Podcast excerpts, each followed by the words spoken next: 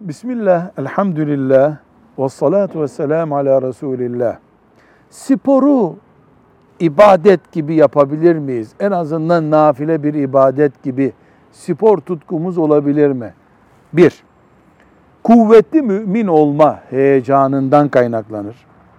Bir harama karıştırmaz, ibadetleri engellemez, insani ilişkilere, aile, eş ilişkisine, anne baba, kardeşlik ilişkilerine zarar vermez. Mal ve vakit israfı yaptırmazsa mümin için spor da ibadet olabilir. Velhamdülillahi Rabbil Alemin.